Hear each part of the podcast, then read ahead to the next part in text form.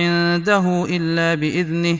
يعلم ما بين أيديهم وما خلفهم ولا يحيطون بشيء من علمه إلا بما شاء. وسع كرسيه السماوات والأرض ولا يئوده حفظهما وهو العلي العظيم. لا إكراه في الدين قد تبين الرشد من الغي فمن يكفر بالطاغوت ويؤمن بالله فقد استمسك بالعروة الوثقى لا انفصام لها والله سميع عليم.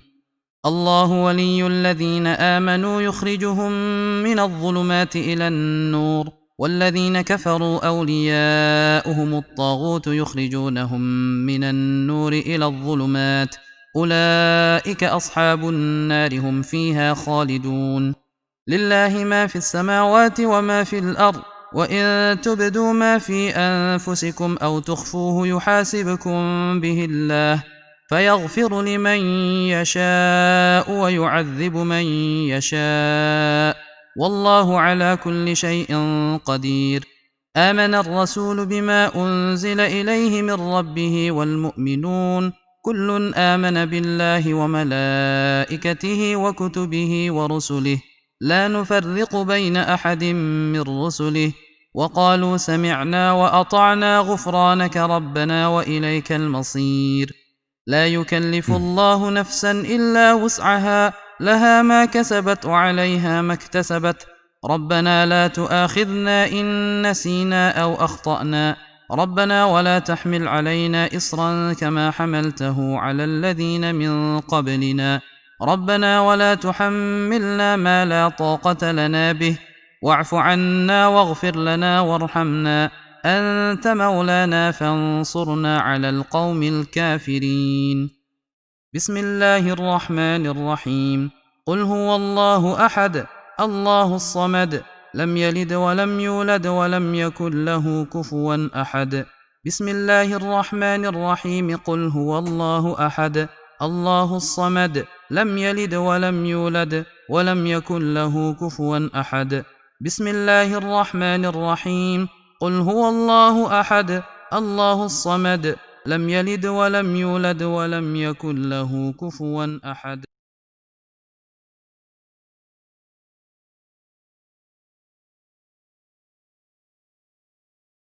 Ya, bismillahirrahmanirrahim. Assalamualaikum warahmatullahi wabarakatuh. Alhamdulillahilladzi arsala rasulahu bil huda wa dinil haq liyuzhirahu ala dini kullihi wa kafa bila syahida. Allahumma sholli ala sayyidina Muhammadin wa ala alihi wa ashabi ajmain wa man tabi'ahu ila yaumil Asyhadu an la ilaha illallah wa asyhadu anna Muhammadan abduhu wa rasuluhu ala dila nabiyya ba'dah. Rabbi syrah li sadri wa yassir li amri wa hlul 'uqdatam min lisani yafqahu qawli. Allahumma ftah lana hikmataka wangsur alaina rahmataka min khazaini rahmatika ya arhamar rahimin.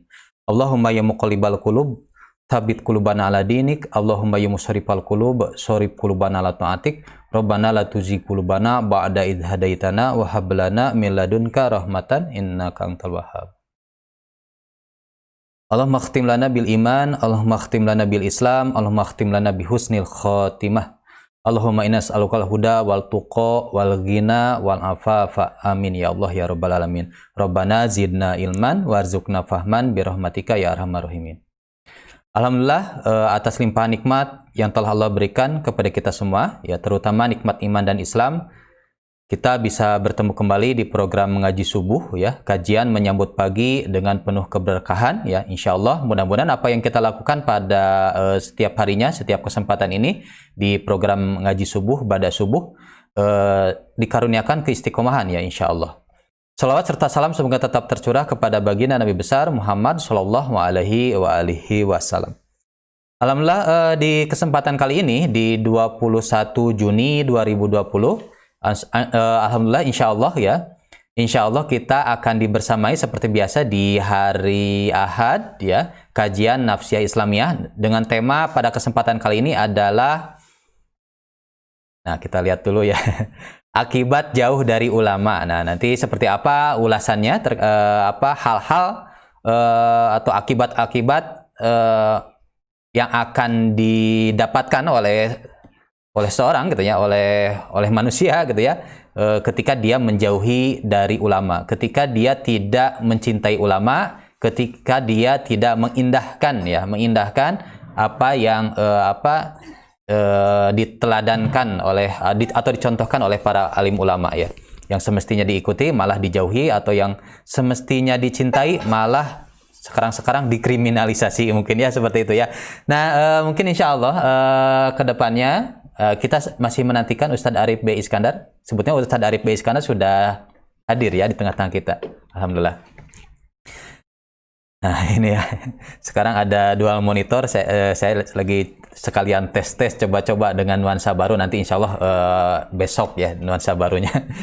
kita sedang tes ini dulu apa? Tes apakah e, lancar atau tidak. Belum ditampilkan yang aslinya kayak gimana nanti insya Allah besok mudah-mudahan. Baik e, kita sapa e, Bapak Ustadz Arif B. Iskandar. Assalamualaikum Ustadz.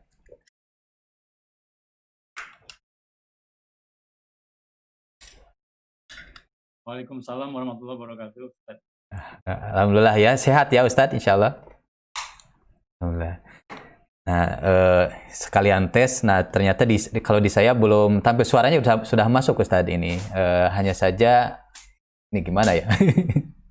Sebentar. Halo? Assalamualaikum. Ya, Waalaikumsalam. Sebentar Ustaz. Ini saya sedang at coba atur dulu. Ini di sininya apa di di window capture-nya. Nah, saya coba bentar ya Ustaz. Afan. Ini karena ada ini ya, yang baru di sini.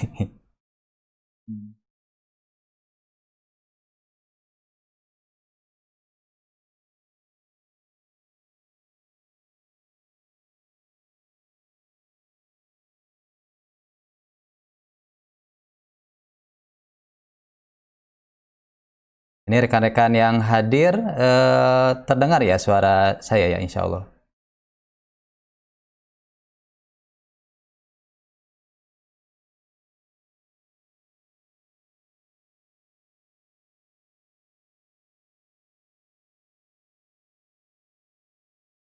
Nah, ini ada.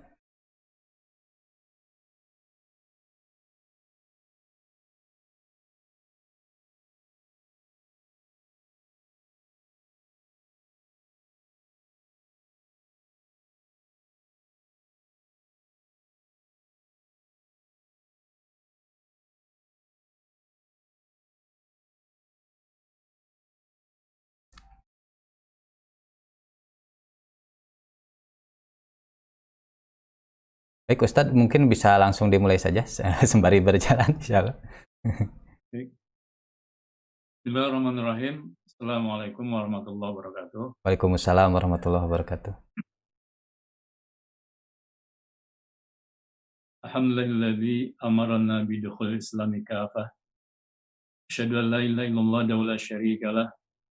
Wa asyhadu anna Muhammadan abduhu wa rasulullah nabiyya ba'dah. Allahumma salli wa sallim wa barik ala Sayyidina Muhammad wa ala Sayyidina Muhammad amma ba'd. Allahumma rabbana zidna ilman nafi'an warzuqna fahman wasi'an wa bisra li sadri wa yassir li amri wa hlubdatan min lisani yafqahu qawli. Allahumma arina haqqan warzuqna tibaa wa arina batila batila zidna sina. Uh, sebelum saya mulai, suara saya jelas nggak, Ustaz? Uh, jelas, cukup jelas, Ustaz. Baik. Alhamdulillah pada kesempatan pagi ini, Tuhan rahmatullah, kita sama-sama bisa bermuajah walaupun secara online. Mudah-mudahan pertemuan kita walaupun secara online ini menjadi wasilah bagi kita mendapatkan magfirah, mendapatkan rahmat dan taufik dari Allah Subhanahu wa taala. Salam dan salam semoga dilimpahkan senantiasa kepada baginda Rasulullah SAW, keluarganya, karib kerabatnya, para sahabatnya, para tabiin, tabi tabi dan juga semuanya. Kita berharap senantiasa mendapatkan sahabat Rasulullah di akhir nanti. Tuhan Filah pagi ini insya Allah sebagaimana yang tadi sampaikan eh, tema kita adalah akibat jauh dari ulama. Ini sebetulnya eh, saya nukil dari kitab Nasir Ibad Imam Nawawi beberapa mungkin insya Allah akan saya nukil makolahnya. Yang pertama adalah itu makalah asalnya. Ini kalau di saya kitabnya itu halaman eh, berapa ini ya? 6 ya. Di sini dinukil sebuah hadis Nabi, walaupun saya cek juga kemudian di sini dalam kitab uh, Mazmaj Jawaid Al-Haythami ini pernyataan dari Lukman Al-Hakim ya Allah alam. Tapi Imam Nawawi menyebutkan di sini adalah pernyataan Nabi ya. Kalau Nabi SAW Alaikum bi mujalasatil ulama. Ay al-amilin. Jadi kata Nabi, hendaklah kalian bermujalasah bergaul dengan para ulama ya yaitu ulama al-amilin ulama yang mengamalkan ilmunya atau kalau kita kembalikan pada firman Allah ya jadi namanya ulama ya itu orang-orang yang senantiasa memiliki rasa takut pada Allah Subhanahu wa taala. Innama yasyallahu min ibadil ulama. Jadi sebut ulama mereka adalah memiliki rasa takut kepada Allah Subhanahu wa taala. Itu disebut dengan ulama. Jadi maksud dengan ulama di sini tentu bukan ulama yang sekedar banyak ilmu, tetapi mereka yang dengan ilmunya itu nantiasa memiliki rasa takut kepada Allah Subhanahu wa taala. Inilah ulama yang kemudian layak untuk kita melakukan mujalasah. Bergaul dengan mereka. Ya. Inilah juga yang dikatakan oleh Nabi innamal ulama warasatul anbiya. Jadi ulama semacam ini ulama yang mewarisi para nabi. Dan kata Nabi, ulama ini tidak kemudian mewariskan dinar dan dirham. Ya. Kan tapi mereka dikatakan warisul ilmu. Mereka itu mewariskan ilmu. Maka hakikatnya ketika kita bergaul dengan ulama, ya, itu bergaul dengan para nabi karena mereka sekali lagi adalah para pewaris Nabi. Kemudian wastimai kalamil hukama. Dan hendaklah kalian pun mendengarkan ya kalam para hukama. Kalam para ahli hikmah. Eh, eh al-alimina bizatillahi ta'ala. yakni mereka yang memahami tentang hakikat Allah Subhanahu wa taala yang ma'rifat kepada Allah Subhanahu wa taala ya Fa Allah taala yulqaba maita binul hikmah. Karena disebutkan di sini bahwa sungguhnya Allah taala itu menghidupkan kalbu ya yang mati itu dengan cahaya cahaya hikmah. Ya. Di sini kenapa dikatakan ada al-qalbu al-mayit Ya. Jadi kalau kita kaitkan dengan uh, pernyataan Ibnu al ya, ya. jadi hati ini atau qalb itu ada beberapa jenis ya. Pertama adalah yang disebut dengan kolbun salim ya. Jadi kolbun salim ini hati yang selamat. Yang kedua adalah kolbun marid. Ya. Ini hati yang yang sakit. Jadi kolbun salim, hati yang selamat, hati yang sehat, ini bisa kemudian kita cirikan ya, atau ada beberapa ciri dari hati yang sehat. Itu biasanya hati yang sehat, orang yang memiliki hati yang sehat adalah orang-orang yang senantiasa semangat ya dalam ketaatan kepada Allah Subhanahu wa taala. Ya. Jadi orang yang sehat itu kan biasanya akan merasakan kenikmatan dalam melakukan apa pun. Akan senantiasa bergairah, akan senantiasa bersemangat. Nah ini sama dengan orang yang sehat dari sisi kolbunya. Ya, dia akan semangat beribadah, semangat salat malam, semangat kemudian baca Quran dan seterusnya. Yang kedua ada yang disebut kolbun marid, ya.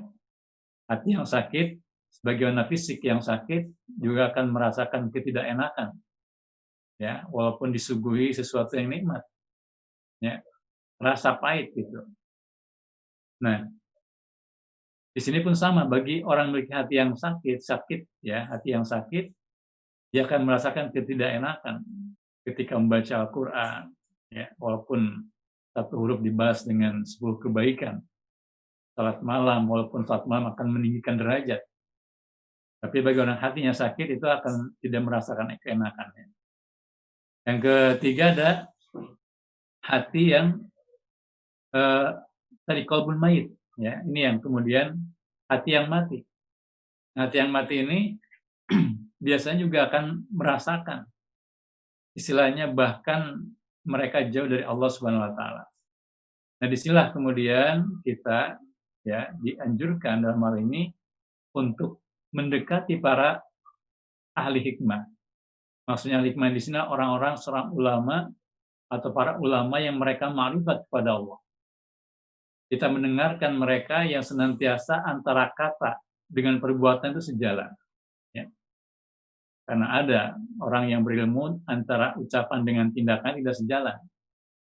Nah, hikmah di sini tentu ulama yang antara ucapan dengan tindakan itu adalah sejalan. Ini yang kemudian harus kita dengar, ya, omongan-omongannya atau kata-katanya.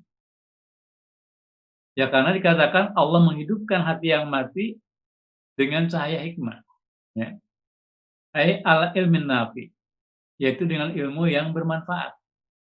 Ya. Al hikmah juga berarti al Quran jadi orang yang hatinya mati insya Allah akan hidup kembali ketika mereka mendengarkan Al-Quran, mendengarkan nasihat-nasihat dari Al-Quran, dari para ulama yang senantiasa menukil ayat-ayat Al-Quran. Ya.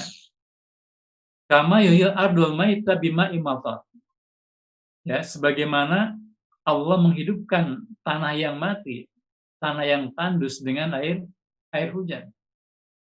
Ya. Jadi kalau kita mungkin pernah menyaksikan ada sebuah bidang tanah atau lahan ya yang tandus yang kering. Ketika diturunkan air hujan, ketika air hujan turun kepada tanah tadi biasanya akan kembali menjadi menjadi subur. Begitulah ketika hati yang mati kemudian ya di apa sila diturunkan kepada cahaya hikmah senantiasa mendapatkan siraman berupa ilmu yang bermanfaat. Ya. Kemudian dalam riwayat Imam At-Tabrani dikatakan ya an Abi Hanifah jalisul kubara wasail ulama ya wa khalitul hukama. Hendaklah kalian banyak duduk dengan al-kubara para wali-wali Allah ya. Para tokoh-tokoh yang disebut dengan ya mereka itu para wali Allah. Wasail ulama. Dan bertanyalah kepada para ulama ya. Wa khalitul hukama. Dan kemudian bercampurlah atau bergaulah dengan para ulama ahli hikmah ya. Artinya sekali lagi mereka yang makrifat kepada Allah Subhanahu wa taala. Ya Kemudian ini ada hadis yang lain juga hampir kata katanya mirip. Wa fi riwayatin jalisul ulama wa sahibul hukama wa khaliful kubara. Ya sama aja maknanya. Final ulama salah satu asam. Karena sesungguhnya ulama ini buat Imam Nawawi dalam kitab Nasrul Ibad itu ada tiga bagian, tiga jenis. Ya. Pertama ada al ulama bi ahkamillah taala. Wa hum ashabul fatawa Pertama adalah ulama yang mereka faham tentang hukum-hukum Allah. Mereka inilah ahli fatwa. Maka kepada mereka lah kita bertanya tentang hukum. Ya, kepada ahli fikih. Ya, ini penting karena apa? Karena biasanya di antara kemaksiatan atau dosa yang dilakukan oleh seorang muslim itu karena ketidaktahuan dalam masalah hukum. Ya. Betapa banyak mungkin hari ini orang misalnya terjerumus dalam kredit yang tidak syar'i, yang di situ berhubungan dengan leasing, yang di situ ada unsur riba. Ya. Orang terjerumus kepada persoalan tadi karena apa? Karena memang mungkin tidak tahu gitu. Ya. Makanya penting kemudian kita bergaul dengan ulama-ulama fikih. Ulama yang memahami hukum-hukum syara. Yang kedua, ulama bidatillahi faqat. Ulama yang memahami zat Allah, memahami aku makrifat kepada Allah. Ya. Nah, di sini adalah ulama-ulama yang mereka ini senantiasa kemudian memilih akhlak yang baik. Ya. Ya nam asyraqat qulubuhum bimarifatillah karena kalbu mereka itu menyi, apa e, memancarkan ya marifat kepada Allah. Ya orang-orang yang di sinilah kemudian mereka ini yaitu ulama yang mengamalkan ilmunya. Mereka ulama yang paham ilmu, yang paham hukum, tetapi juga makrifat kepada Allah. Mereka ahli ibadah, ya. Mereka senantiasa bertakwa pada Allah. Mereka ahli zikir, ya. Dan ini yang kemudian kita lihat di kalangan para ulama salafus soleh inilah biasanya seperti itu. Mereka itu di samping seorang ulama, tapi mereka juga ahli ibadah. Di samping mereka ulama, artinya ilmunya mumpuni, mereka juga orang-orang yang zuhud, orang-orang yang waro. Ya. Ini yang kemudian kita melihat daripada gambaran para ulama salafus saleh dulu. Ya. Maka kepada mereka itu bukan hanya mereka banyak umat berguru tentang ilmu fikih, tetapi terutama juga adab, adab ya akhlak mereka. Ya, bahkan generasi terdahulu itu mereka itu sebelum belajar ilmu mereka akan belajar adab terlebih dulu ya. Nah, itu yang kemudian harus menjadi sesuatu yang harus kita contoh ya. Nah, kemudian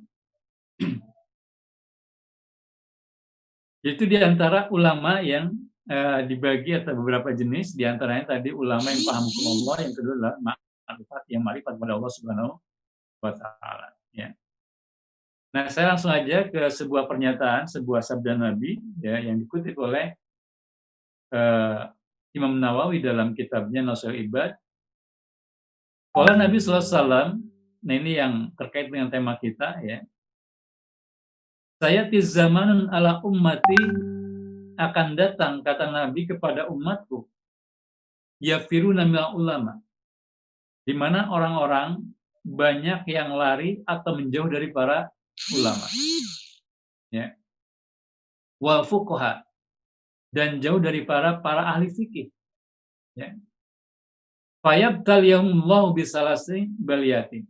Maka ketika pada zaman tadi ya, orang-orang jauh dari ulama, jauh dari ahli fikih, maka Allah akan menimpakan kepada mereka itu tiga bencana. Ya. Ulah yarfa'ullah al-baraka min kasbihim. Pertama adalah Allah akan mengangkat keberkahan dari kasab-kasab mereka. Ya. Dari pekerjaan-pekerjaan mereka. Dari jual beli mereka. Jadi Allah akan angkat. Nah ini kenapa demikian? Karena ini sangat masuk akal bisa kita pahami ketika orang jauh dari ulama, ketika orang jauh dari ahli fikih, maka ketika mereka mencari nafkah, ya, ketika mereka bertani, ketika mereka kemudian jual beli, ketika mereka menjadi pekerja, mereka kemudian mengamalkan semua tadi tanpa ilmu.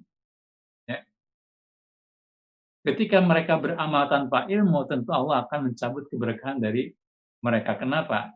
Karena boleh jadi mereka melakukan banyak hal yang justru kemudian bertentangan dengan hukum haram.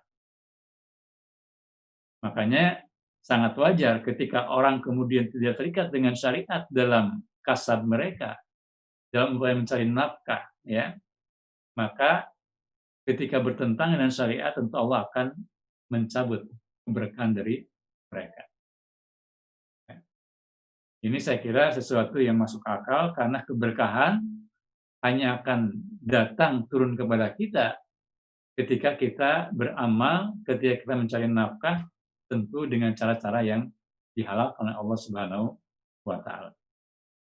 Sangat boleh jadi ya, mungkin rezeki melimpah gitu ya. Ada orang yang mungkin kaya raya dari bisnisnya. Dari pekerjaannya. Tetapi kadang-kadang tidak ada keberkahan Kenapa? Karena boleh jadi dia ya bekerja mencari nafkah dengan cara-cara yang diharamkan. mungkin dia terlibat dalam riba. Ya. Ketika orang terlibat dalam riba, boleh jadi secara materi dia bertambah, ya.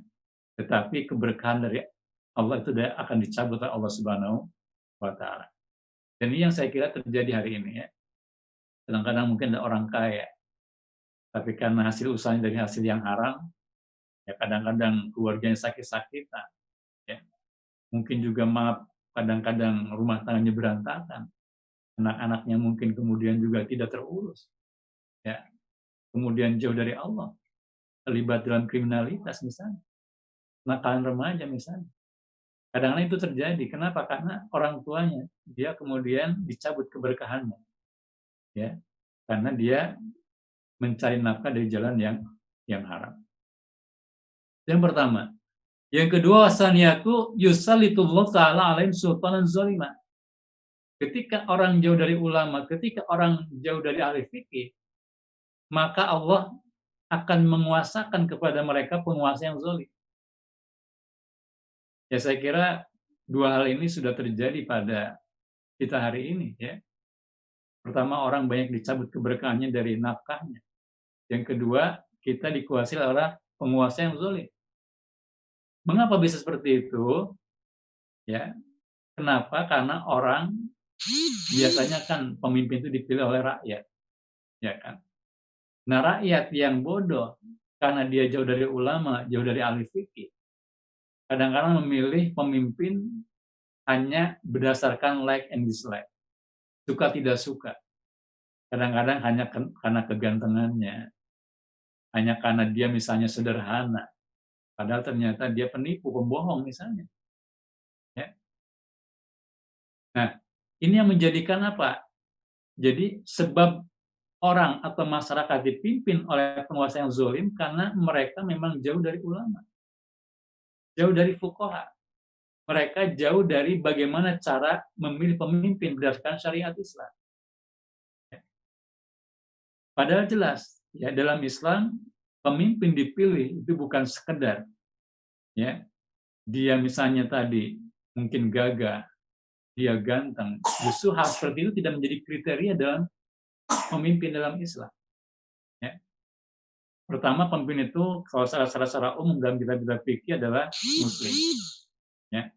Maka betapapun hebatnya seorang pemimpin dalam penilaian manusia kalau dia kafir, maka tidak layak diangkat sebagai pemimpin sebagai kepala negara.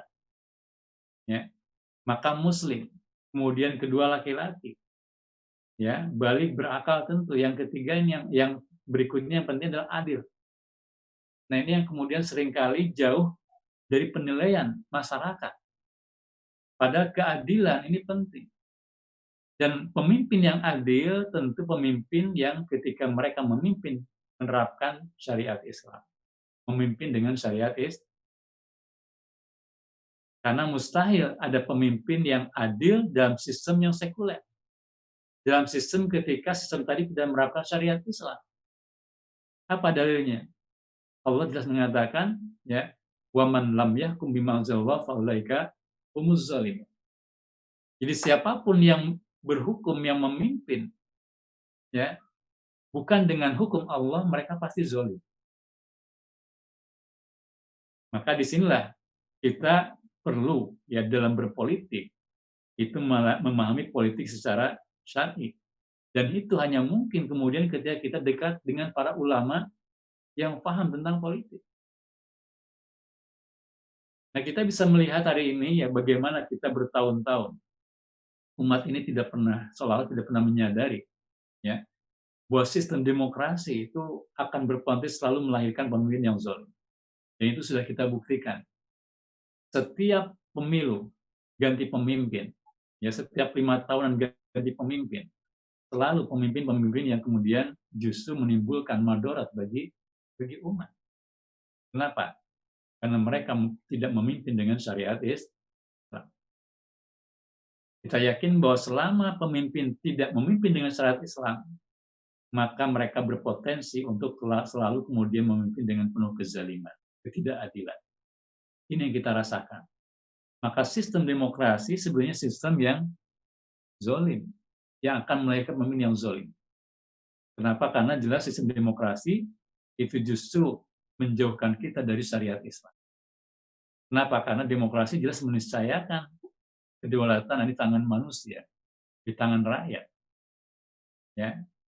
Sehingga yang berdaulat tentu bukan hukum Allah, tapi hukum-hukum buatan manu, manusia. Maka di sini sangat masuk akal. Ketika orang, ketika masyarakat jauh dari ulama, jauh dari fukoha, artinya jauh dari Al-Quran, ya, mereka sangat mungkin untuk kemudian dipimpin oleh penguasa yang zalim.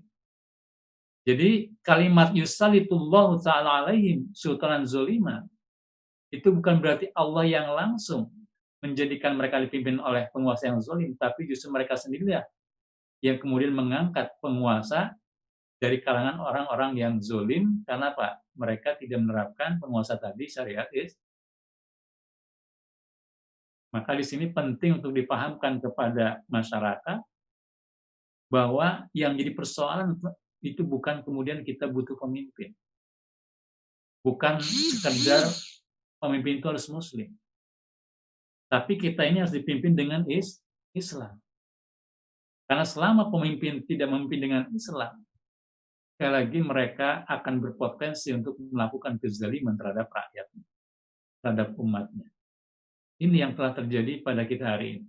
Ya, sekali lagi, karena umat jauh dari ulama, jauh dari fukoha yang memahami politik. Ya. Bahkan banyak ulama juga, mereka mungkin ahli fikih, ya, tetapi kadang-kadang lemah secara politik.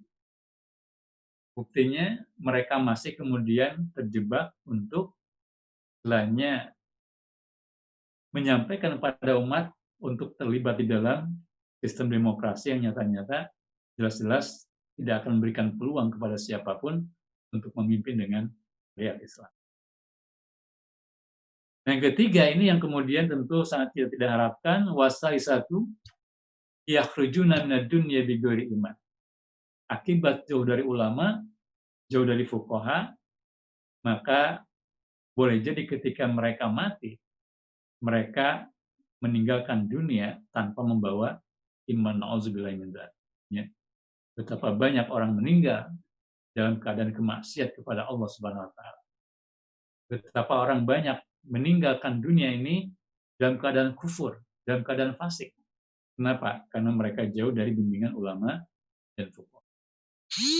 Tuhan maka tentu kita perlu ya meneladani para generasi salafus salih terdahulu. Mereka ini bergaul dengan para ulama, bukan hanya satu dua ulama. Ya, ada ulama yang kemudian berguru kepada ribuan ulama. Imam Malik bin Anas misalnya, salah seorang ya ulama mazhab terkemuka, ya pemimpin mazhab Maliki, beliau ini berguru kepada tidak kurang dari 900 ulama. Ya. 300 ulama di antaranya tabi'in, 300 eh, 600 yang lain itu tabi tabi'in. Bayangkan ya, ulama dulu mereka berguru kepada 900 ulama. Dan tentu bukan hanya ulama yang ahli fikih, tapi juga ulama yang mereka makrifat kepada Allah. Ulama yang senantiasa zuhud, senantiasa warok. Ya. Dan mereka ulama-ulama terpilih. Ya. Nah di sini inilah yang kita teladani. Nah, pertanyaannya adalah kita sejauh mana bergaul dengan para ulama. Kadang-kadang mungkin seminggu sekali juga kita tidak. Ya, hadir majlis ilmu, majlis takrif. Majlis yang di situ kemudian duduk ulama, memberikan fatwa, menyampaikan nasihat-nasihat yang mendekatkan kita kepada Allah. Maka kalau kemudian zaman dulu lahir para ulama yang hebat, ya, itu karena mereka betul-betul mujalasa dengan para ulama yang hebat. Bukan hanya menyerap ilmu, tapi juga menyerap adab. Ya. Bahkan ada seorang murid Imam Malik yang beliau ini mengklaim bahwa aku membersama Imam Malik selama 20 tahun berguru pada Imam Malik. Dan kemudian beliau mengklaim dalam 20 tahun itu beliau mempelajari 18 tahun belajar adab dari Imam Malik dan dua tahun belajar. Ya, luar biasa. Karena apa? Karena adab harus lebih dulu kita pelajari pada ilmu.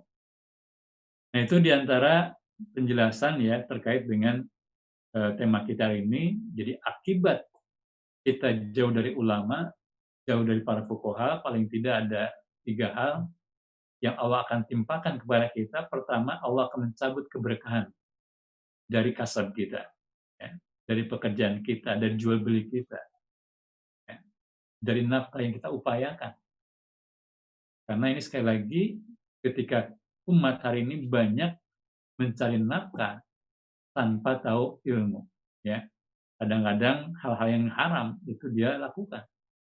Boleh jadi karena ketidaktahuan. Ya, kenapa? Karena dia tidak banyak bertanya kepada ahli fikih, para ulama. Yang kedua tadi akan ditimpa dengan yaitu dipimpin oleh penguasa yang zolim. Ya, itu pun sangat masuk akal karena biasanya pemimpin dipilih oleh umat. Ketika umatnya tidak paham politik Islam, karena jauh dari ulama, jauh dari fukoha, maka mereka memilih pemimpin ala kadarnya, sekedar tampilan lahiriahnya saja. Padahal penting umat itu memilih pemimpin yang akan menerapkan syariat is. Karena hanya dengan itulah akan lahir pemimpin yang adil. Ketika pemimpin tidak memimpin syariat Islam, maka dia pasti akan zalim. Ya. Peman lam yahkum bima anzalallah faulaika Dan yang ketiga, nauzubillah, mudah-mudahan tidak menimpa kita. Ya, ketika kita jauh dari ulama, kita akan meninggalkan dunia tanpa membawa iman. Saya kira itu penjelasan singkat ya Ustaz Supriyadi ya. Mungkin kita bisa lebih banyak berdialog ngobrol.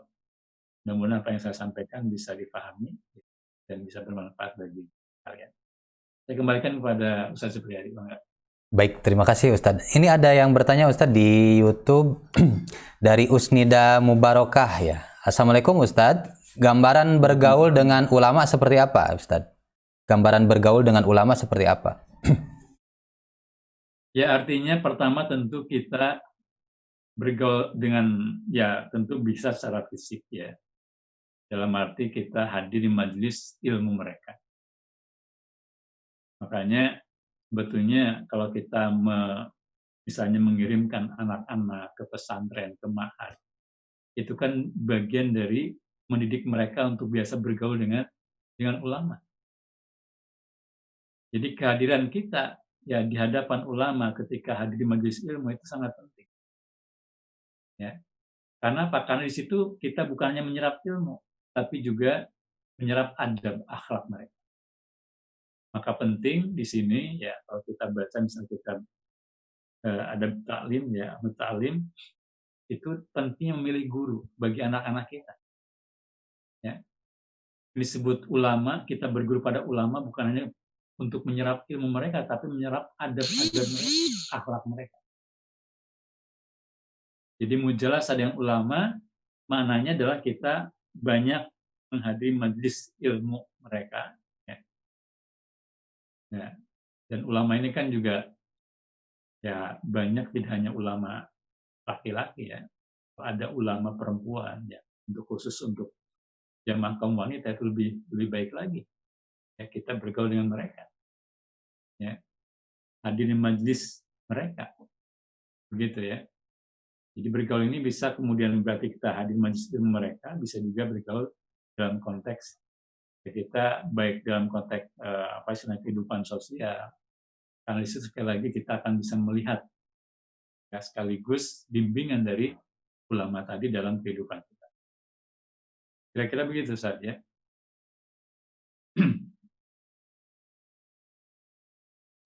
Baik demikian ya eh, sahabat Usnida Mubarokah. Baik bagi rekan-rekan eh, yang hadir di YouTube ataupun di Zoom bisa apa eh, menyampaikan pertanyaannya di Zoom di kolom eh, chat, kalau di YouTube di kolom komentar. Baik di Zoom saya coba lihat dulu Ustaz. Di sini ada. Ya. Nah, izin bertanya ini dari Mbak Lawu. Saat ini karena kesibukan kerja dan lain-lain, bagaimana pandangan Ustadz mujalasah ilmu mereka bila hanya dengan medsos. Nah. Ya. Nah tentu akan berbeda ya, akan berbeda antara yang namanya mujalasa. Jalasa itu kan apa sih? Artinya dari kata jalasa, artinya kita duduk-duduk bareng. Ya. Duduk bareng tadi hadir dengan menghadiri eh, kajian-kajian istimewa para ulama. Nah tentu ya yang paling abdul adalah ketika kita bertatap muka secara langsung. Ya. Nah walaupun sekarang seperti hari ini kan sebetulnya akan banyak keterbatasan ya. Kita lewat Zoom paling tidak kan kadang-kadang terbatas kuotanya ya. Kadang-kadang kemudian kita ya banyak hal yang membatasi kita gitu untuk kemudian sekedar lewat medsos maka mujalasa itu tentu yang paling utama adalah secara fisik. Ya. Jadi ulama dulu ya bukan karena tidak ada medsos, mereka kemudian sampai menempuh kadang-kadang jarak ribuan kilometer untuk kemudian mengunjungi majlis ulama. Tetapi karena itulah yang sebetulnya dituntut ya atas kita. Ya. Apalagi makanya kenapa misalnya dulu ada sebuah kisah menarik Imam Malik itu pernah diundang oleh Khalifah Harun al-Rashid. Untuk apa? Supaya mengajarkan agama kepada keluarganya, kepada putra-putrinya. Imam Malik nggak mau gitu. Bukan karena sombong. Ya. Kenapa? Karena yang namanya ilmu, kata beliau, jadi al ilmu yukta wala ya'ti. Yang namanya ilmu itu didatangi, bukan mendatangi. Ya.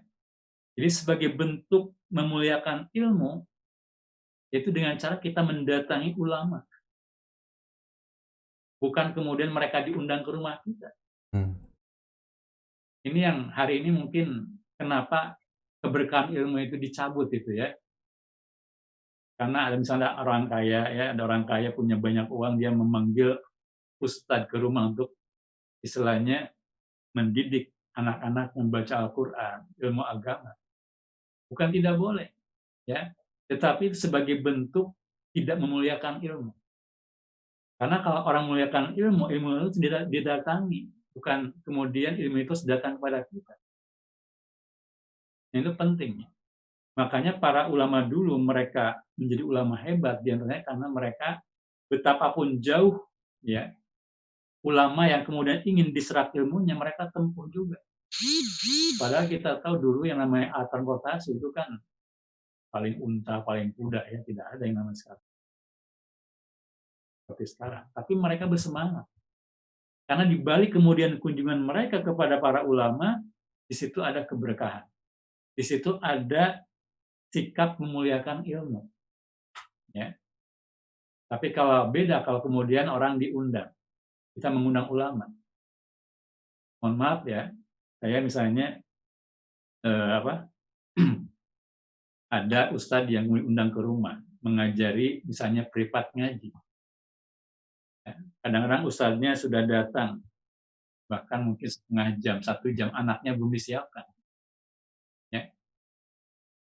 Itu kan karena apa? Karena tadi, karena orang tua juga, toh saya, juga Islam memberikan ujroh kepada guru tadi ya sehingga penghargaan terhadap ustadz terhadap ulama itu jadi kurang dianggapnya dengan dia memberikan uang itu cukup.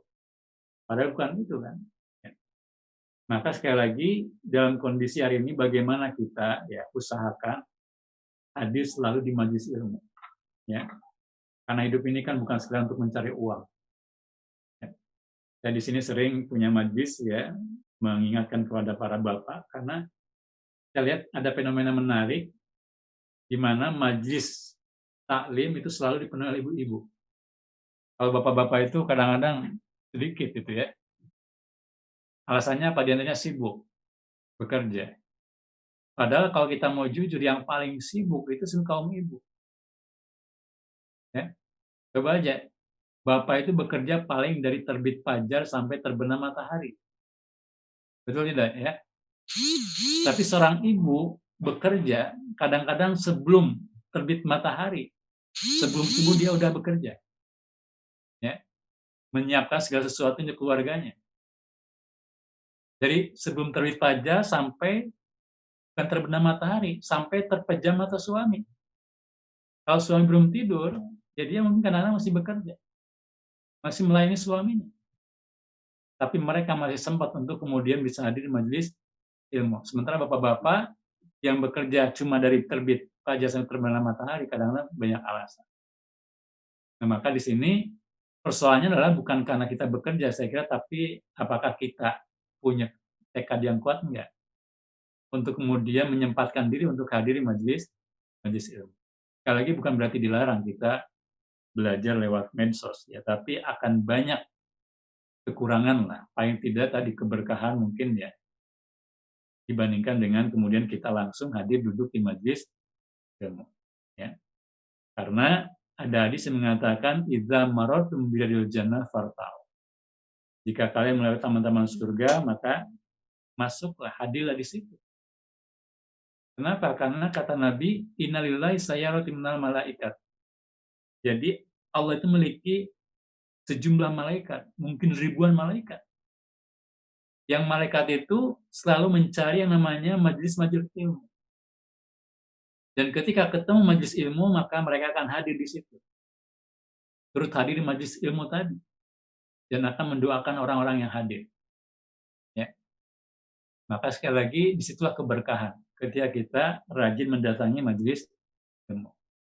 Makanya ya kita berharap kondisi seperti ini ya itu cepat berakhir supaya? Supaya kita banyak mengkaji ilmu langsung kemudian kita dengan mujalasah para ulama ya tidak lewat uh, medsos.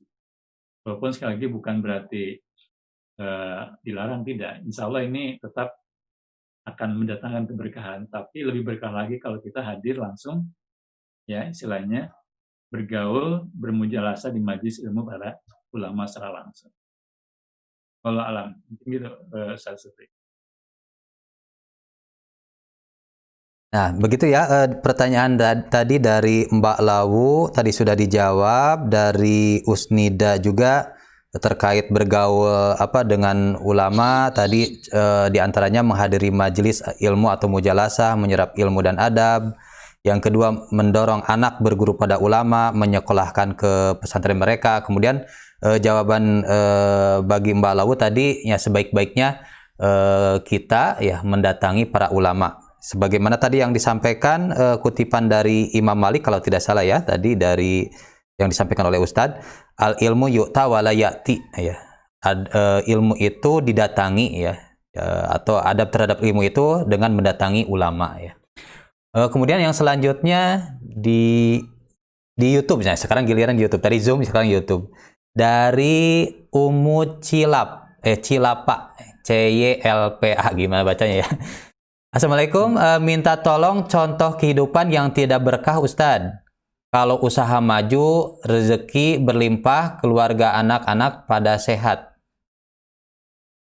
Jadi bagaimana yeah. maksudnya? mungkin tertangkap mungkin Ustaz. Ya, intinya bagaimana ya. uh, apa contoh kehidupan yang tidak berkah?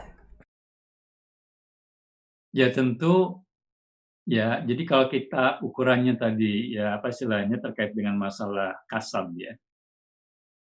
Jadi ketika orang kemudian kasabnya berkah, itu pertama dia akan menjadikan banyak bersyukur pada Allah Subhanahu wa taala. Dan bentuk syukurnya apa? Yang kedua adalah tentu dia akan semakin taat kepada Allah Subhanahu wa taala. Ya. Jadi itulah yang dikatakan keberkahan. Keberkahan itu kan ziyadatul khair. Jadi bertambahnya kebaikan. Ya. Karena boleh jadi tadi orang hartanya berlimpah. Ya, setiap saat hartanya bertambah. Tapi kenapa tidak menjadi keberkahan? Karena boleh jadi justru dengan hartanya dia semakin jauh dari Allah Subhanahu wa taala. Ya bukan makin banyak bersedekah tapi makin pelit misalnya itu kan berarti tidak berkah karena keberkahan dari harta ketika harta itu justru kemudian banyak diinfakkan ya. jadi karena itulah harta yang sebenarnya milik kita kalau kemudian orang tambah kaya tambah pelit di situ justru dia tidak berkah ya walaupun mungkin dari sisi tadi dia sehat-sehat saja ya kemudian panjang umurnya tapi ketika semakin jauh dari Allah, itu alamat ketidakberkahan. Ya. Maka keberkahan dari harta itu akan menumbuhkan rasa syukur kepada Allah dan rasa syukur ini akan terwujud dengan mereka makin taat kepada Allah Subhanahu wa taala. Saya kira itu jawaban sekian saya. Jadi sekali lagi keberkahan tidak dilihat dari aspek yang bersifat fisik, bersifat materi, tapi yang penting adalah bagaimana kemudian keberkahan tadi akan ditunjukkan oleh semakin taatnya seseorang kepada Allah Subhanahu wa taala. Ilmu yang berkah di antaranya ilmu yang makin menjadikan orang tadi takar kepada Allah. Makin soleh, makin bertakwa. Begitupun, begitupun harta yang berkah. Ya. Akan menjadikan dia banyak bersedekah, berinfak. Ya. Akan banyak kemudian memanfaatkan hartanya untuk kebaikan. Untuk ketaatan kepada Allah. Ya.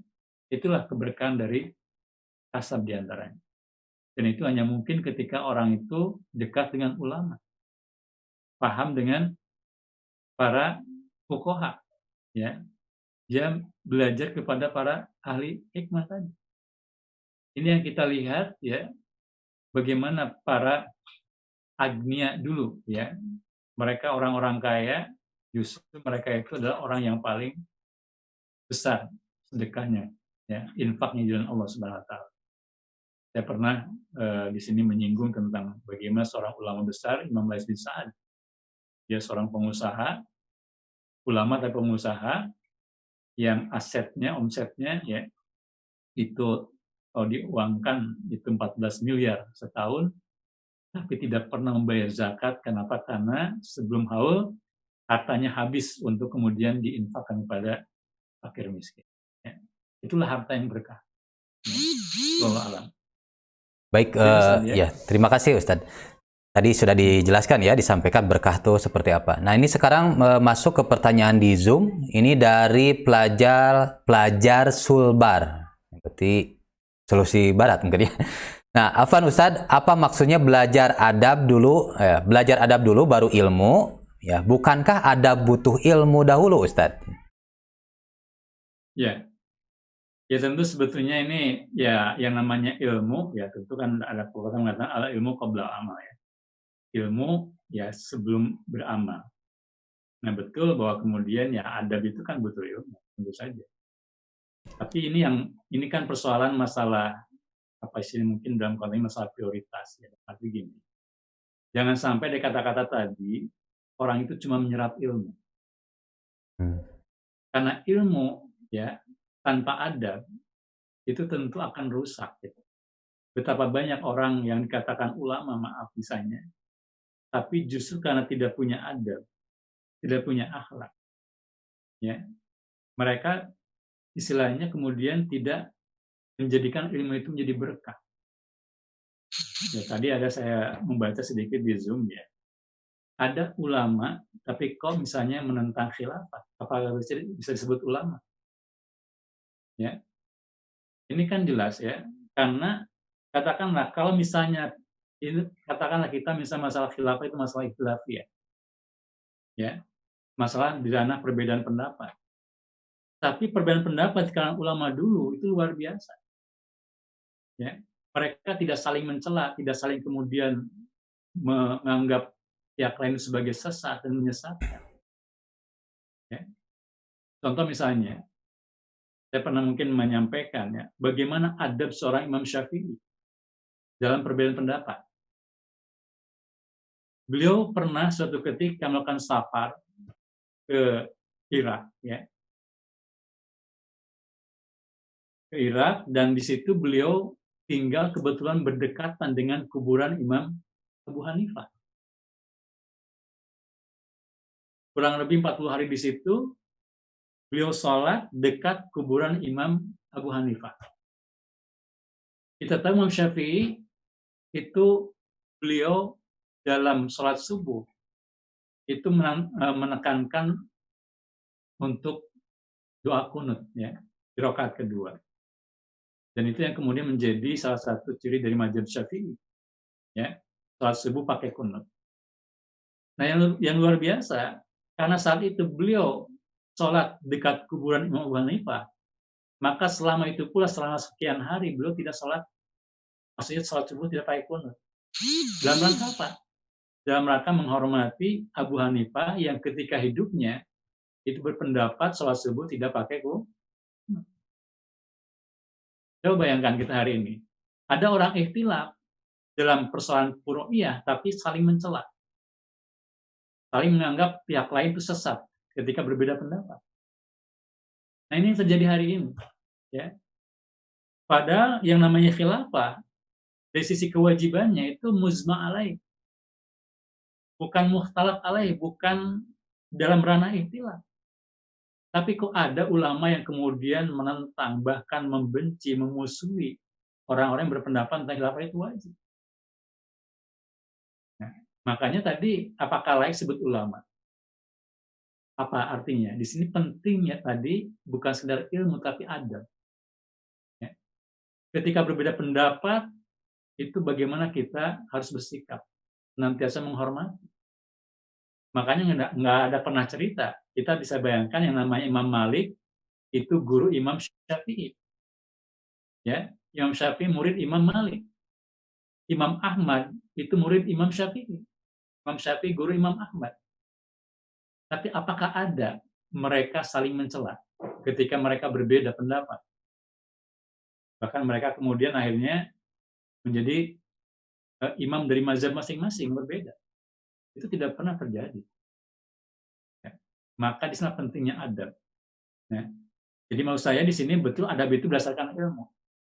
Tapi dengan pernyataan tadi, ya sebetulnya ini persoalan betapa adab itu lebih utama daripada ilmu. Kenapa? Karena adab itu kan buah sebetulnya daripada ilmu. Buat apa kita banyak ilmu, tapi kemudian tidak melahirkan adab? tidak melahirkan ketakwaan, tidak melahirkan ketaatan kepada Allah. Karena keberkahan ilmu itu kan justru di situ. Gitu. Ilmu tidak ada artinya. Ya, makanya ada pepatah mengatakan apa? Al ilmu bila amalin, kasyajaroti bila amarin.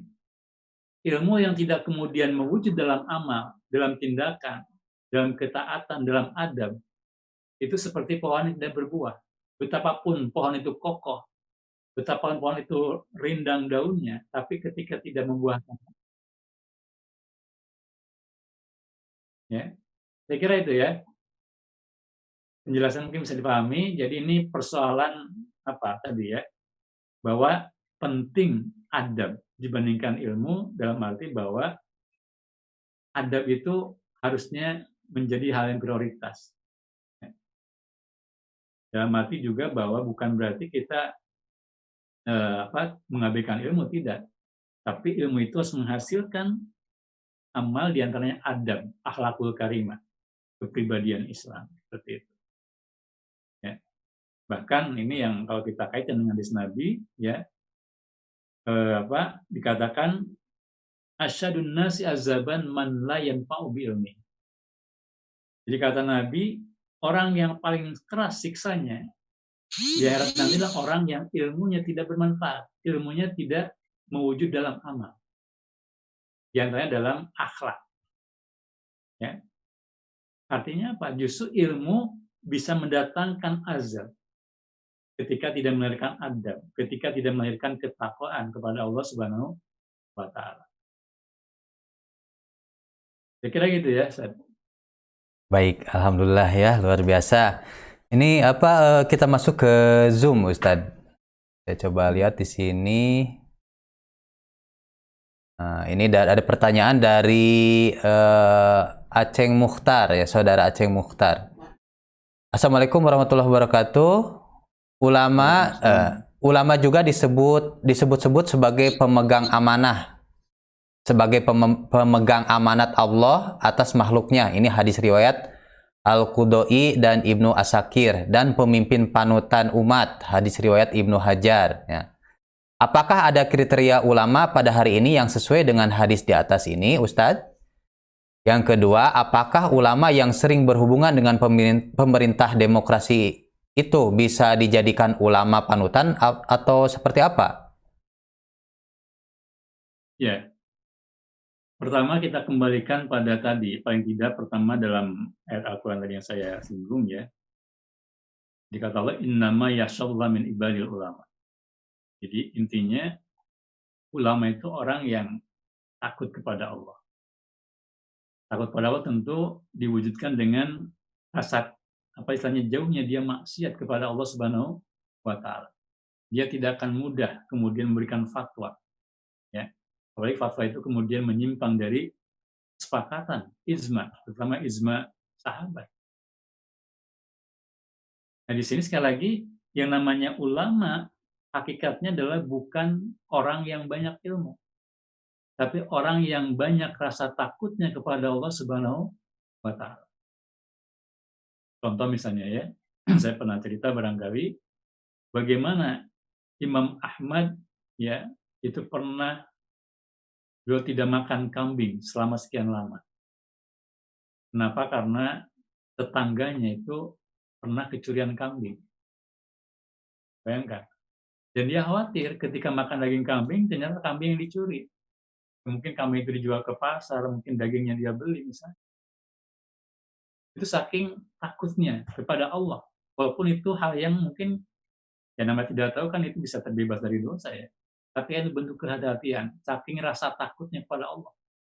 Ya, tidak mau terjerumus pada hal yang subat, apalagi yang haram. Itulah ulama.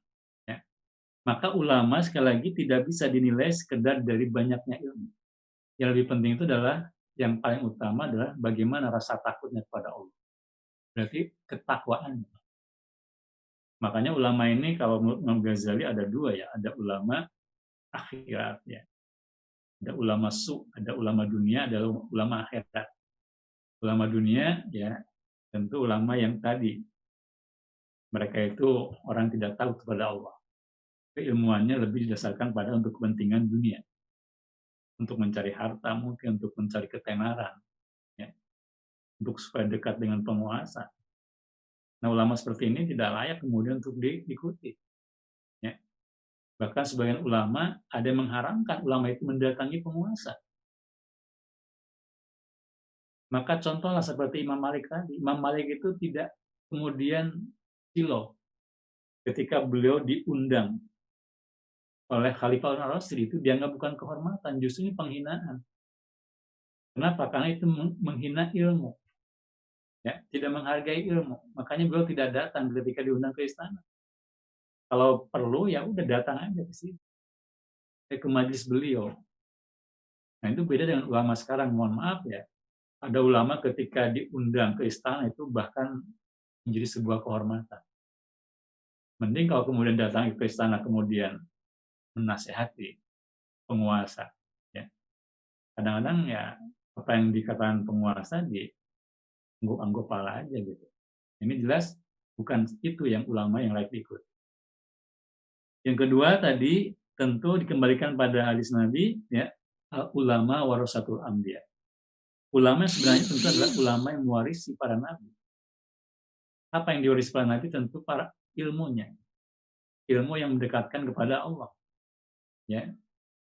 Nah, Nabi kita Muhammad mewariskan apa? Mewariskan Al-Qur'an. Ya. Karena Rasul mengatakan tarok fikum, ya. Amrain. Aku meninggalkan mewariskan dua perkara. Di mana kalau kemudian kalian berpegang teguh pada dua perkara tadi, maka ya akan selamat. Jadi tidak akan tersesat selama-lamanya itu Al-Quran dan As-Sunnah. Maka ulama sebenarnya tentu ya mereka yang mengajarkan Al-Quran dan Sunnah, yang mendorong kemudian umat untuk terikat dengan Al-Quran dan Sunnah. Terikat dengan syariat. Berarti ulama pewaris Nabi justru ulama memperjuangkan tegaknya syariat. Ya. Supaya umat terikat dengan syariat yang dibawa oleh Nabi tadi. Maka bukan ulama yang lagi ikuti ketika mereka menentang syariat. Menentang khilafah di mana khilafah itu satu-satunya institusi yang bisa menerapkan syariat Allah Subhanahu wa taala. Maka kalau saya katakan tadi ada sedikit tadi saya baca, apakah ulama yang menentang khilafah itu disebut dengan ulama? Ya, ulama itu memang kondisi keilmuan ya tentu kan banyak eh, apa istilahnya ragamnya ya. Ada ulama yang menguasai ilmu tauhid ada ulama yang menguasai ilmu fikih ya. Nah, di sini ya dari sisi keilmuan bisa saja ulama ini disebut ulama dalam bidang lain, tapi dalam bidang kehilafahan berarti dia mohon maaf bisa jadi bukan ulama tapi juhala ketika dia menentang kewajiban menentang eh, kewajiban menegakkan syariat Islam, menegakkan khilafah Islam. Dari sisi bahasa Arab mungkin dia ahli bahasa Arab, nausarab, ahli balaghah, ahli fikih. Tapi ketika dia menentang kewajiban khilafah berarti dia bukan ulama di bidang itu. Justru dia mungkin juhala. Ya. Karena tidak ada satu ulama pun di masa lalu yang menentang kewajiban menegakkan khilafah. Itu bisa dilihat dalam tafsir Al-Qurtubi. Ya. Termasuk dalam Sarah Muslim yang Nawawi, mereka katakan ya azma'u ya mereka itu berizma ya jadi umat Islam itu wajib mengangkat seorang khalifah itu kata Imam Nawawi ya dalam salah Muslim termasuk dalam tafsir Al-Qurtubi jadi kalau ada ulama yang menentang khilafah paling tidak dia bukan ulama di bidang itu di bidang kekhilafahan Islam justru dia juhala di situ walaupun ulama di bidang yang lain. Kayak kali gitu. Baik, alhamdulillah ya. Uh, tadi sudah dijawab ya. Uh, tadi pertanyaan dari uh, Ustadz Aceng ya. Eh, Ustadz Aceng betul ya di tadi di Zoom ya. Saya coba lihat. Nah, ini ya betul. Nah, kemudian uh, ada pertanyaan selanjutnya. Ini dari masih dari Zoom ya.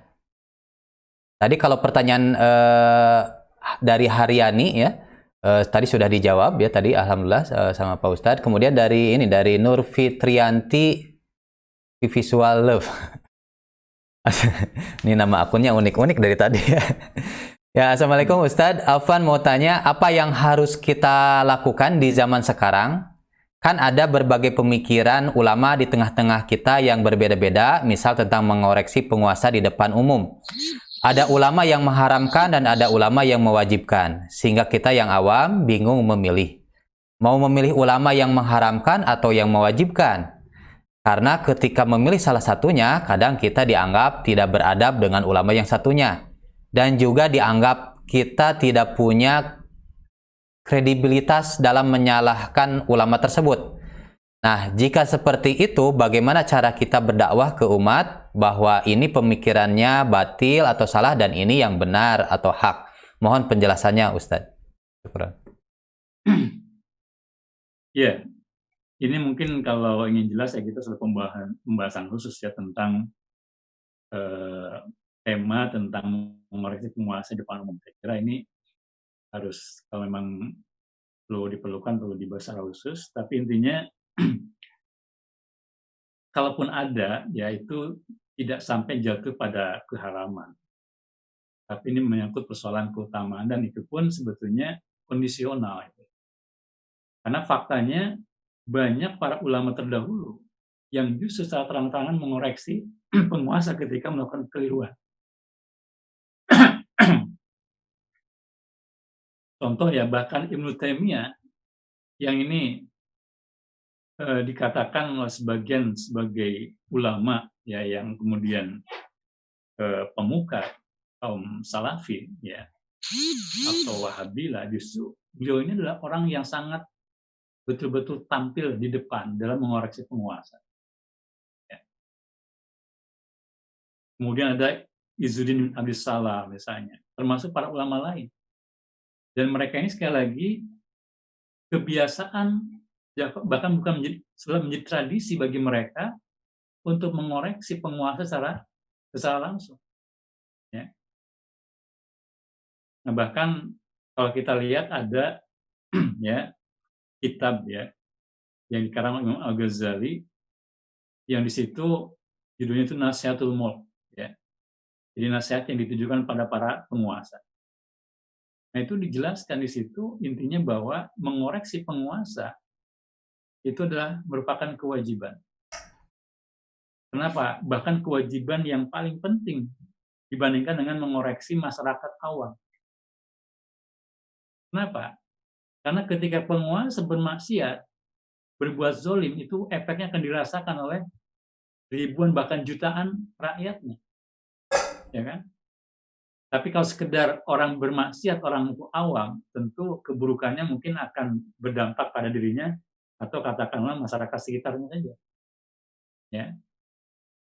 Misalnya ada orang di lingkungan kita berzina.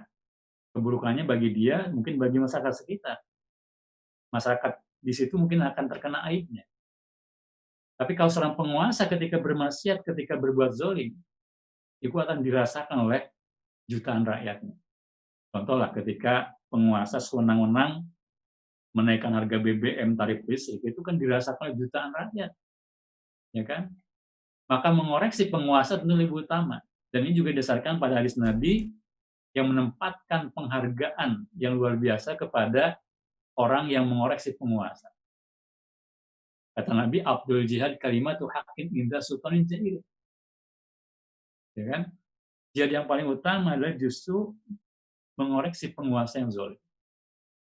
Bahkan dikatakan, Sayyidu Sada Anja, warajulun komaila imam jairin panasahu pakotalah.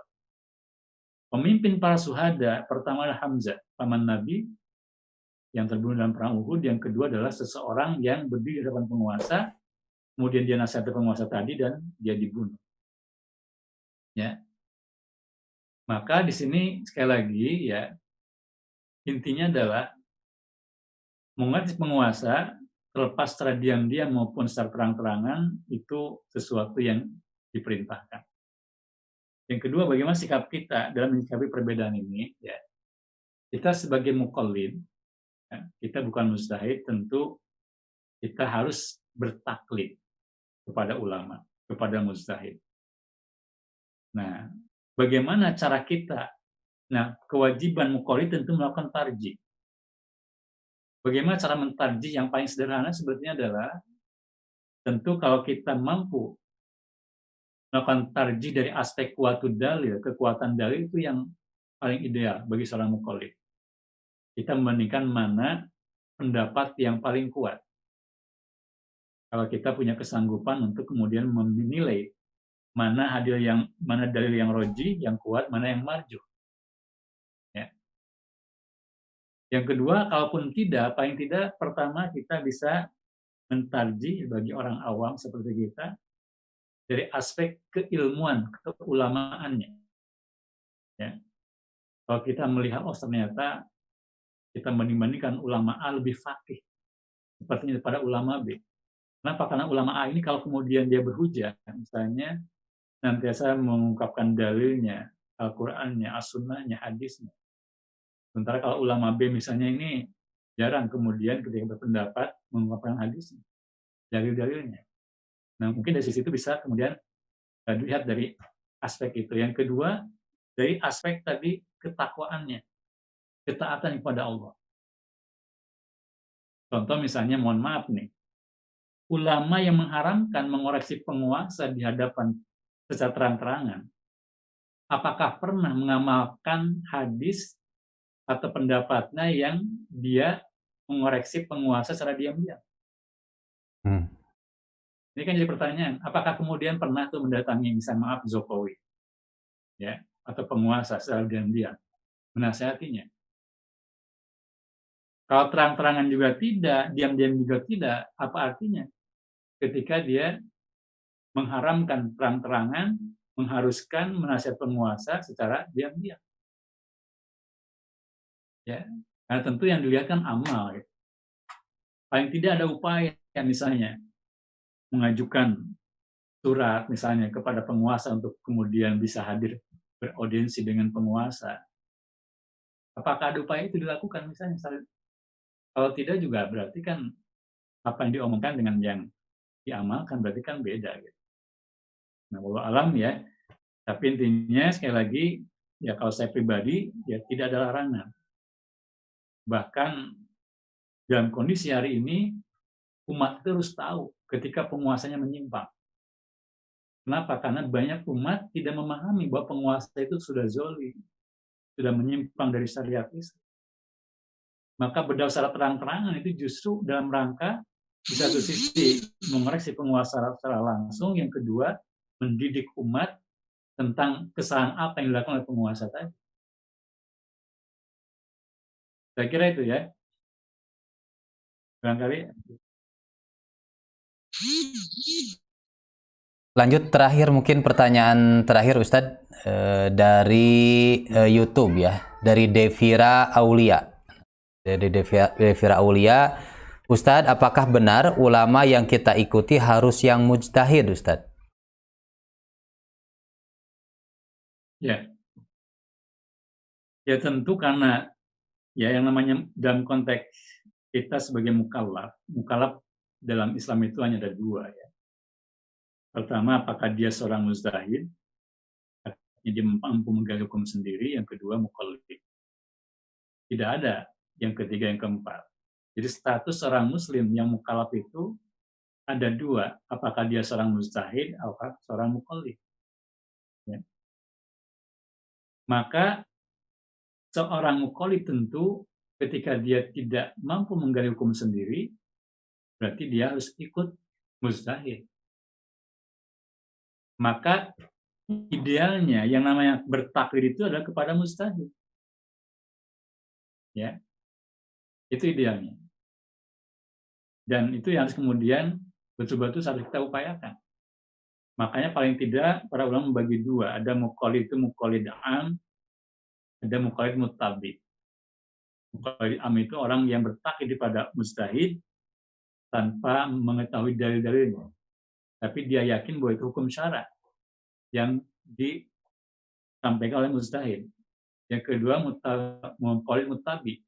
Seorang muqallid yang bertaklid pada mustahid dan dia tahu dalil yang di, jadi dari sandaran pendapat mustahid yang diikuti tadi. Nah, maka secara ideal sekali lagi kita bertaklid ikut kepada mustahid. Nah, makanya di sini kita boleh memang berguru kepada ulama, kepada ustadz yang bukan mustahil. Tapi kita tetap harus tahu yang disampaikan ustadz itu pendapat siapa misalnya. Kita tahu misalnya sholat kita itu bermazhab pada Imam Syafi'i. Walaupun kita tidak langsung mengkaji kitab Imam Syafi'i.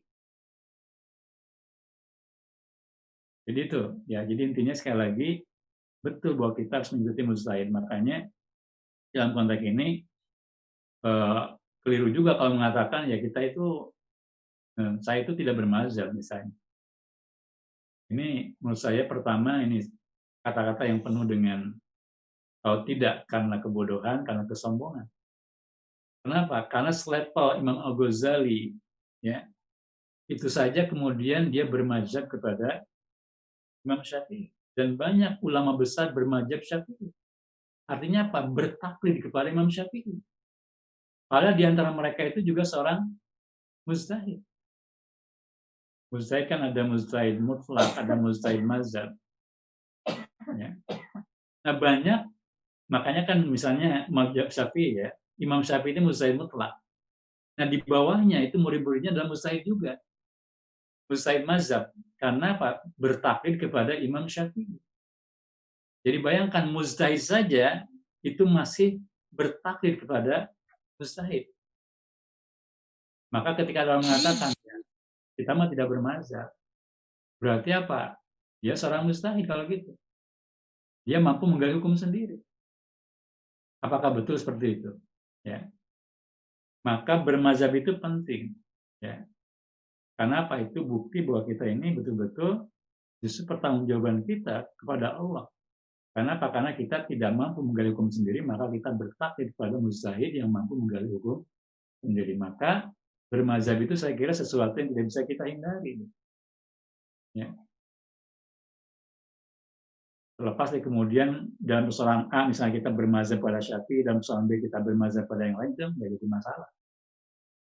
Yang penting dalam posisi sebagai mukholid, tentu kita akan bertaklid kepada mustahid. Berarti di situlah kita secara tidak langsung bermazhab. Kan tidak bermazhab. Allah alam ya. Itu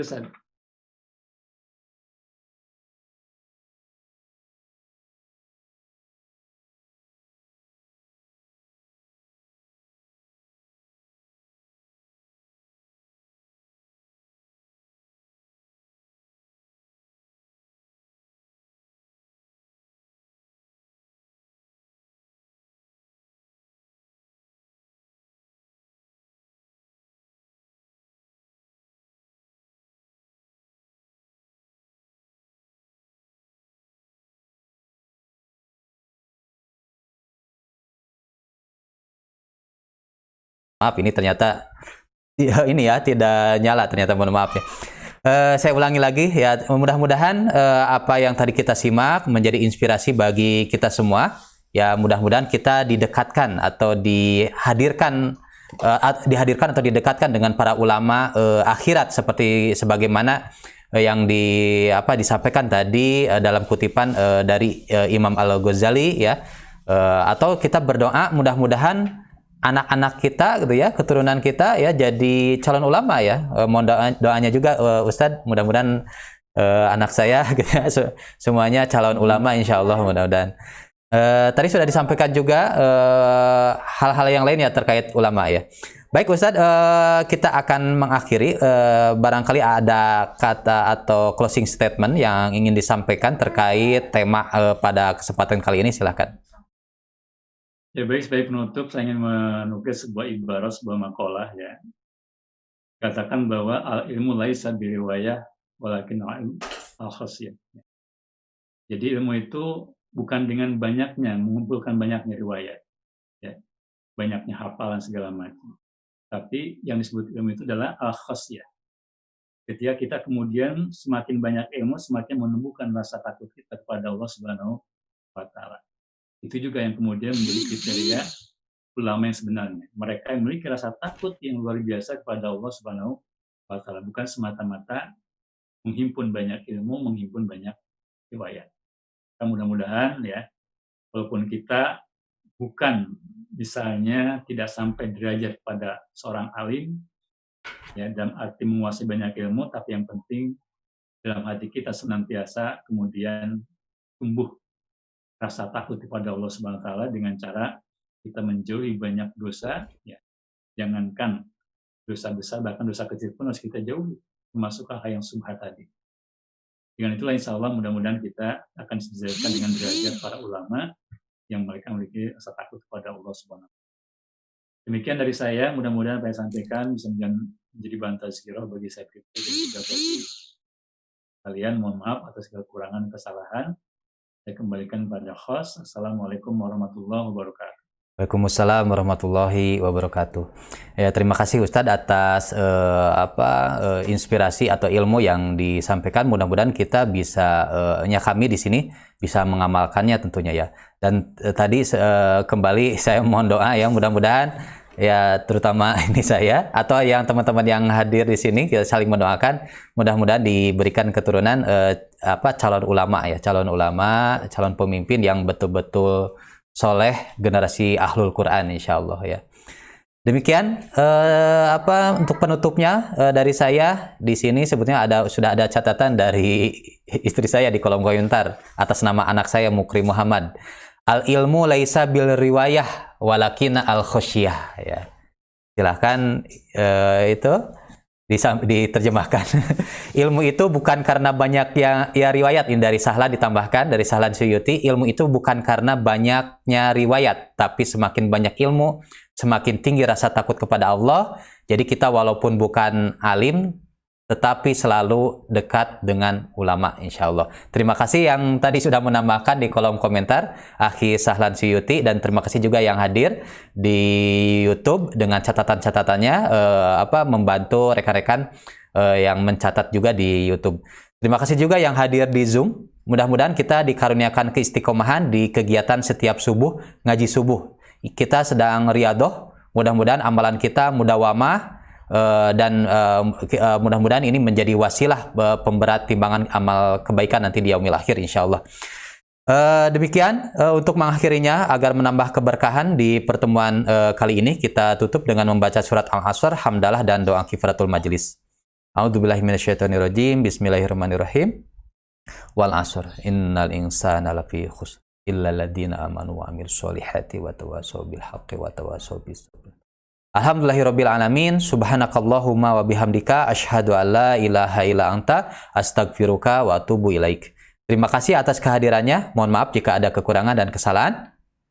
Wassalamualaikum warahmatullahi wabarakatuh. Waalaikumsalam warahmatullahi wabarakatuh. Pak Ustadz. Aturun.